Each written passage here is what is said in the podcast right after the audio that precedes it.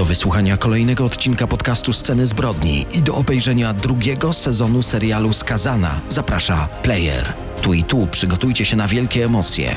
Tym razem w scenach zbrodni na rmfon.pl Kobiety skazane, czyli życie kobiet w zakładach karnych, a drugi sezon Skazanej oglądaj tylko na Playerze. Zapraszamy. W stawie natrafiono na ciało. Skontaktujcie się z producentami w Los Angeles. Chcę, aby nakręcono film o mojej historii. Płatni zabójcy, seryjni mordercy i sceny zbrodni w RMFFM. Mam wrażenie, że te listopadowe wieczory coraz dłuższe, że te jesienne noce coraz dłuższe. Ja bym się do tych listopadowych nocy tak nie przyzwyczajał. Jeszcze kilka dni będą te grudniowe noce, takie trochę bardziej radosne, no bo święta będą coraz bliżej. Ale ja słyszałem o nich, że te grudniowe noce jeszcze dłuższe. To też prawda. Bez względu na to, czy jest to grudzień, listopad, wiosna, lato, jesień, zima, w radiu RMFFM sceny zbrodni. Dzisiaj u nas porwania dzieci. Niedawno katowickie policyjne Archiwum X wróciło do sprawy zaginięcia Anny Jałowiczor. Ania skończyła 10 lat, wyszła ze szkolnej zabawy karnawałowej i ruszyła w stronę domu. Nigdy tam nie dotarła. Minęło ponad 27 lat. Przypomnijmy najważniejsze wątki w tej tajemniczej sprawie. Dzisiaj przypomnimy również historię Stevena Steinera. Porwany chłopiec ocalił pięcioletnie dziecko z rąk okrutnego porywacza. Tematy niezwykle trudne, związane z tragediami wielu osób, bo przecież zaginięcia dzieci dotykają także ich bliskich, ich rodzin, przyjaciół. Ale te historie także tajemnicze, więc koniecznie tego wieczoru zostańcie z RMFFM. Dzisiaj mówimy o porwaniach dzieci. Jest styczeń 1995 roku. Dziesięcioletnia Ania Jałowiczor pięć miesięcy wcześniej przeprowadziła się do Simoradza i zaczęła czwartą klasę podstawówki w nowej szkole, ale zmian w jej życiu jest wiele więcej. Mama Ani tuż przed wakacjami postanowiła wyjechać do męża do Francji. Tata Ani przebywał tam od pięciu lat. Pracował, by spełnić wspólne marzenie rodziny, czyli budowa ich własnego domu. Do tej pory mieszkali w wynajmowanym mieszkaniu w bloku w Andrychowie. Mama Ani zdecydowała się na znacznie lepiej płatną pracę za granicą, by to marzenie o domu przyspieszyć. Planowała spędzić we Francji jeden rok, rzuciła więc pracę w wytwórni filmów animowanych w Bielsku Białej. W tym czasie ich dzieci, dziesięcioletnia Anna i dziewięcioletni Dominik, mieli przebywać u dziadków w Simoradzu, niedaleko Skoczowa, w rejonie Cieszyna. Pod tym samym dachem w domu dziadków mieszkała także ciotka Ani i jej kuzynostwo. Babcia pracowała jako woźna w pobliskiej szkole. Do szkoły od ich domu było tylko 700 metrów, jakieś 10 minut spacerkiem. Tradycją szkolną były zabawy karnawałowe dla uczniów. Młodsze oddziały klasy 1 do 4 bawiły się zawsze razem. Starsze klasy miały bal w innym terminie. Ale w tym roku wyjątkowo postanowiono, że czwartoklasiści będą na wspólnej zabawie ze starszymi klasami. Część dzieci tego chciała, żeby poczuć jak młodzież, dlatego zrobiono taki wyjątek. Babci Ani niespecjalnie ta zmiana przypadła do gustu, nie chciała się zgodzić, żeby dziewczynka poszła na tę zabawę, ale Ania tak prosiła, że uprosiła. 24 stycznia, wtorek. Zabawa zaczęła się po południu. O 20 było już po wszystkim. Ania wyszła z innymi uczniami i stała z koleżankami przed szkołą.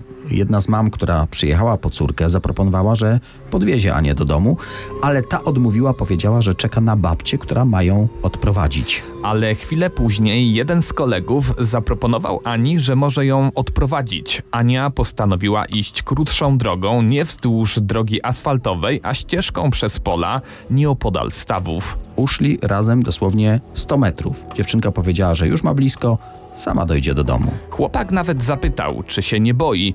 Dziewczynka powiedziała, że trochę, ale nie pierwszy raz już tędy wracała. Rozstali się na grobli między stawami. On dołączył do kolegów i poszedł w przeciwnym kierunku. Ania poszła wąską ścieżką w kierunku domu babci. Babcia dziesięcioletniej Ani, szkolna woźna, po tym jak skończyła pracę, pojechała do rodziny na krótkie spotkanie. Wróciła do domu przed dwudziestą.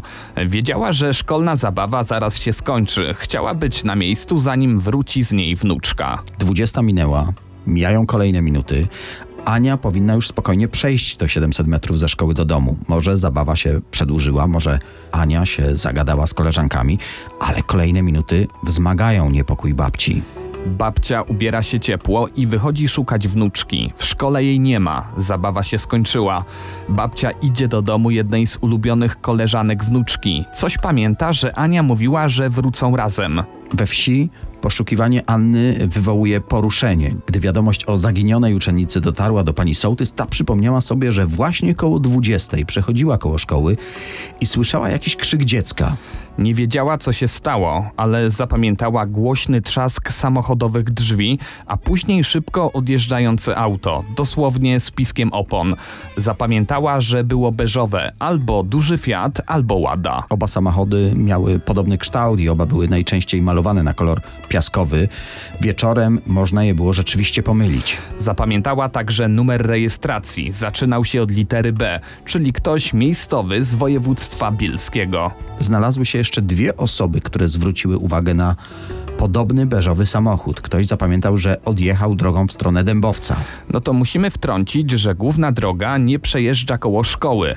Nie mógł to być jakiś przypadkowy kierowca. Ktoś musiał specjalnie zjechać w wąską, boczną uliczkę, gdzie znajdowała się szkoła. O zaginięciu powiadomiono rodziców Ani przebywających za granicą, powiadomiono policję.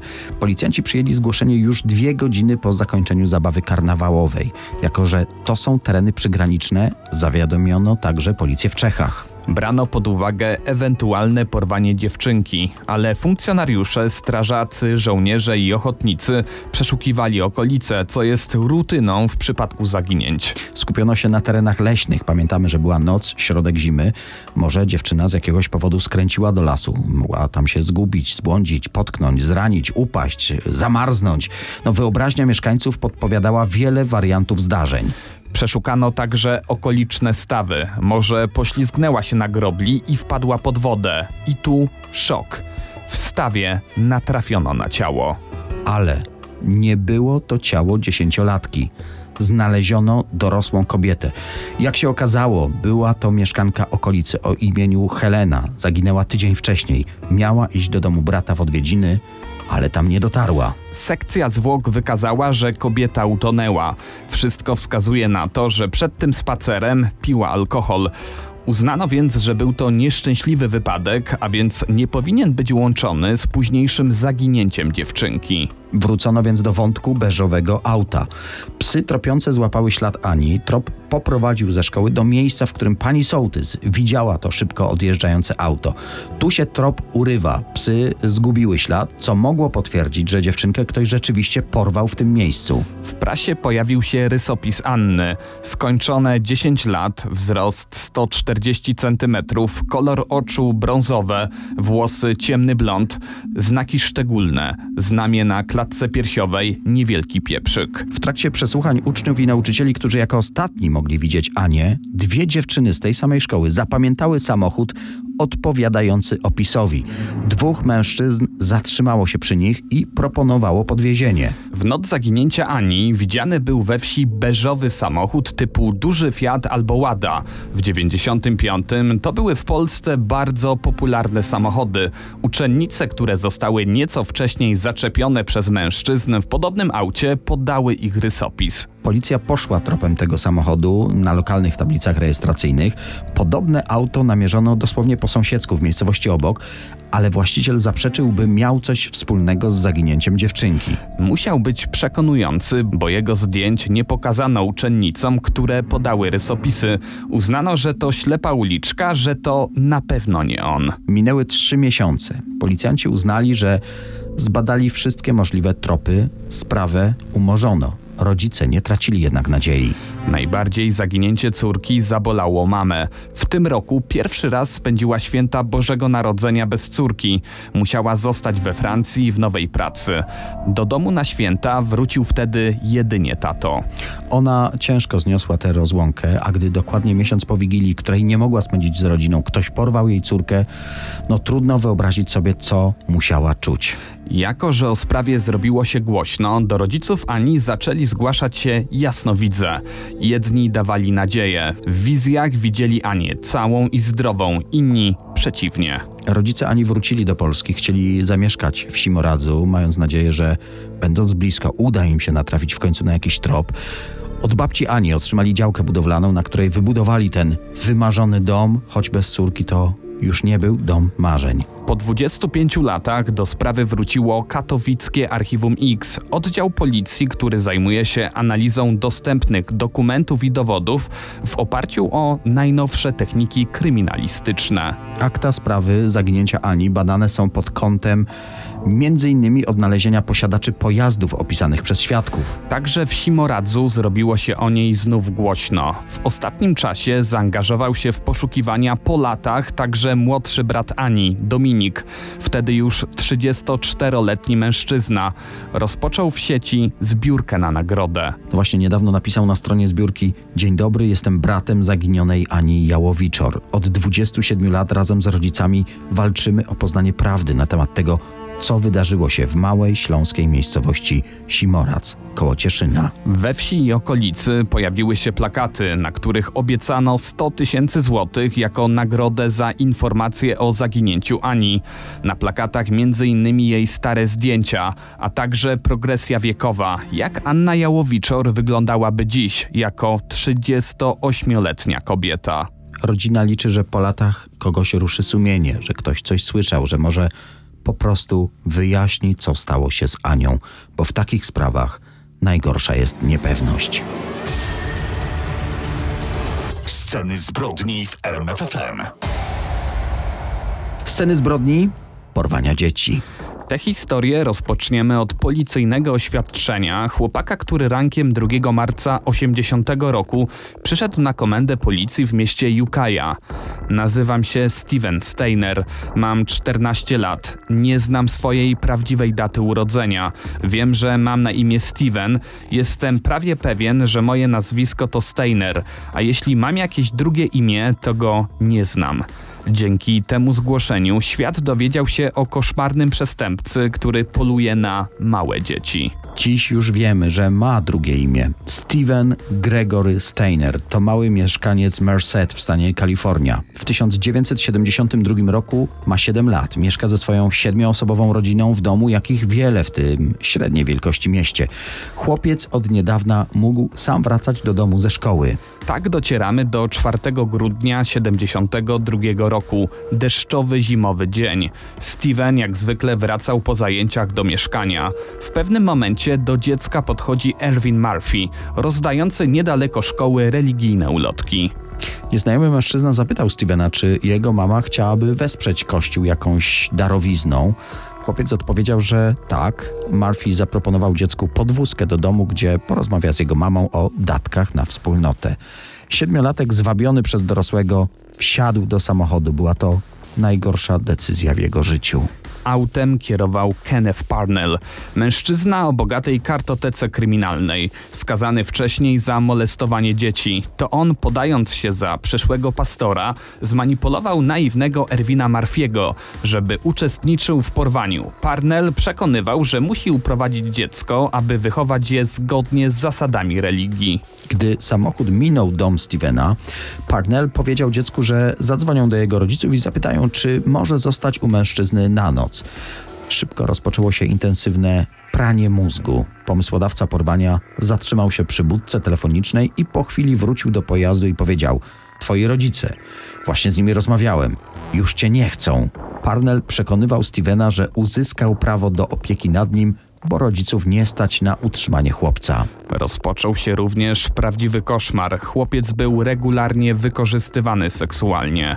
Bezduszny przestępca zmienił dziecku również tożsamość. Od teraz nazywał się Dennis Gregory Parnell. Prawdziwe pozostało tylko drugie imię. Oprawca w dzień udawał ojca chłopaka, a w nocy zmieniał się w potwornego kata. Oczywiście rodzice siedmiolatka, państwo Steiner, podnieśli alarm, gdy ich syn nie wrócił do domu. Robili wszystko, co tylko możliwe, aby go odnaleźć, ale ich pociecha przepadła bez śladu. Mijały lata. Steven pod zmienionym nazwiskiem razem z fałszywym ojcem często zmieniali miejsca zamieszkania w stanie Kalifornia. Porywacz pozwalał mu palić papierosy i pić alkohol. Parnell coraz częściej był poza domem, dlatego Steven miał coraz więcej wolności. Mógł uciec z domu, ale potwornie bał się swojego oprawcy i uwierzył, że rodzice naprawdę chcieli się go pozbyć. Steven dorastał, nie można było już tak łatwo nim manipulować. To sprawiło, że Kenneth Parnell przestał się nim interesować. Potrzebował nowej, młodszej ofiary. Kenneth Parnell, bestia w owczej skórze, kazał swojej ofierze uczestniczyć w porwaniach innych dzieci. Steven sabotował te próby, aby kolejna niewinna osoba nie trafiła w ręce potwora. Przestępca seksualny znalazł więc innego wspólnika. Opłacił nastolatka z okolicy, aby jeździł z nim autem po miasteczku Jukaja i pomógł znaleźć jakieś dziecko. 14 lutego 1980 roku. Wynajęty licealista na polecenie Parnella wciągnął do środka samochodu pięcioletniego Timothy'ego White'a. Chłopczyk wyrywał się, krzyczał ile miał tylko sił, ale porywacz był silniejszy. 14-letni Steven Steiner, widząc jak Timothy cierpi, jak tęskni za rodziną, wiedząc jaki koszmar go czeka, postanowił wziąć sprawy w swoje ręce. Dwa tygodnie później, 1 marca 1980 roku, Steven poczekał, aż Kenneth Parnell pojedzie wieczorem do pracy, gdzie miał nocną zmianę jako ochroniarz. Odważny czternastolatek wykorzystał ten moment wolności. Razem z Timothym dotarli do głównej drogi. Tam złapali autostop, którym pojechali do Yukiya, rodzinnego miasta chłopczyka. Było ciemno, pięciolatek nie pamiętał, gdzie dokładnie mieszka, dlatego dwójka porwanych dzieci udała się na posterunek policji. Co ciekawe, początkowo Steven zamierzał pomóc Timothy'emu dotrzeć do domu, po czym sam chciał wrócić do porywacza, ale gdy Steven odchodził, młodszy chłopak zaczął płakać i krzyczeć przed komisariatem. Całe zamieszanie dostrzegł policjant, który zaprowadził ich na komendę. Porwany 7 lat wcześniej chłopak wyjaśnił, kim naprawdę jest i opowiedział o całym koszmarze, jaki przeżył. Następnego dnia o świcie Kenneth Parnell został aresztowany. Tego samego dnia dwóch porwanych chłopców wróciło do swoich prawdziwych domów. Szczęście rodziców, którzy odzyskali swoje dzieci, wydaje się nie do opisania. Steven w swoim mieście witany był jak bohater narodowy. Kilka dni później występuje w programie Good Morning America, gdzie opowiada o dramacie, który przeżył. Zdjęcie uśmiechniętego Stevena Steinera z pięcioletnim Timothym White'em na kolanach znajduje się w każdej gazecie i wiadomościach telewizyjnych. Pewnie zastanawiają się nasi słuchacze, na jaki wyrok został skazany Kenneth Parnell, porywacz dwójki chłopców i wielokrotny przestępca seksualny. W tym wypadku sprawiedliwości zdecydowanie nie stało się zadość. Ze względu na luki prawne, bestia z Kalifornii usłyszała wyrok zaledwie 7 lat więzienia, mniej niż przetrzymywał Stevena, z czego odsiedział jedynie 5 lat. Wspólnicy porywacza zostali skazani na jeszcze mniejsze wyroki. Po wyjściu na wolność, Parnell powrócił na przestępczą ścieżkę. Zlecił pewnej kobiecie, aby kupiła dla niego za 500 dolarów czteroletniego chłopca. Gdy sprawa wyszła na jaw w wyniku policyjnej prowokacji, 72-letni bandzior został skazany na 25 lat więzienia. Niecałe 4 lata później Kenneth Parnell zmarł w więzieniu. Wróćmy jednak do bohatera tej sprawy. Jego słowa, które przytaczaliśmy na początku, wiem, że mam na imię Steven, przeszły do historii. Tak zatytułowano nawet miniserial o tych dramatycznych wydarzeniach. Steiner był doradcą podczas pracy na planie i zagrał nawet rolę policjanta. Jednak ta sprawa nie zakończyła się takim happy endem, na który zasługiwali porwani chłopcy. Wracamy do sprawy Stevena Steinera, który przez 7 lat był więziony przez porywacza. Udało mu się jednak uciec i ocalić życie sobie i pięcioletniemu Timothy'emu White'owi. Późniejsze życie nastoletniego bohatera zdecydowanie nie było usłane różami. W szkole wielu rówieśników dokuczało chłopcu ze względu na to, co przeszedł w życiu. Ówczesne media dokładnie opisały przestępstwa seksualne, których stał się ofiarą. W domu też nie miał łatwo. Rodzice traktowali go jako siedmioletniego chłopca, którego wcześniej znali.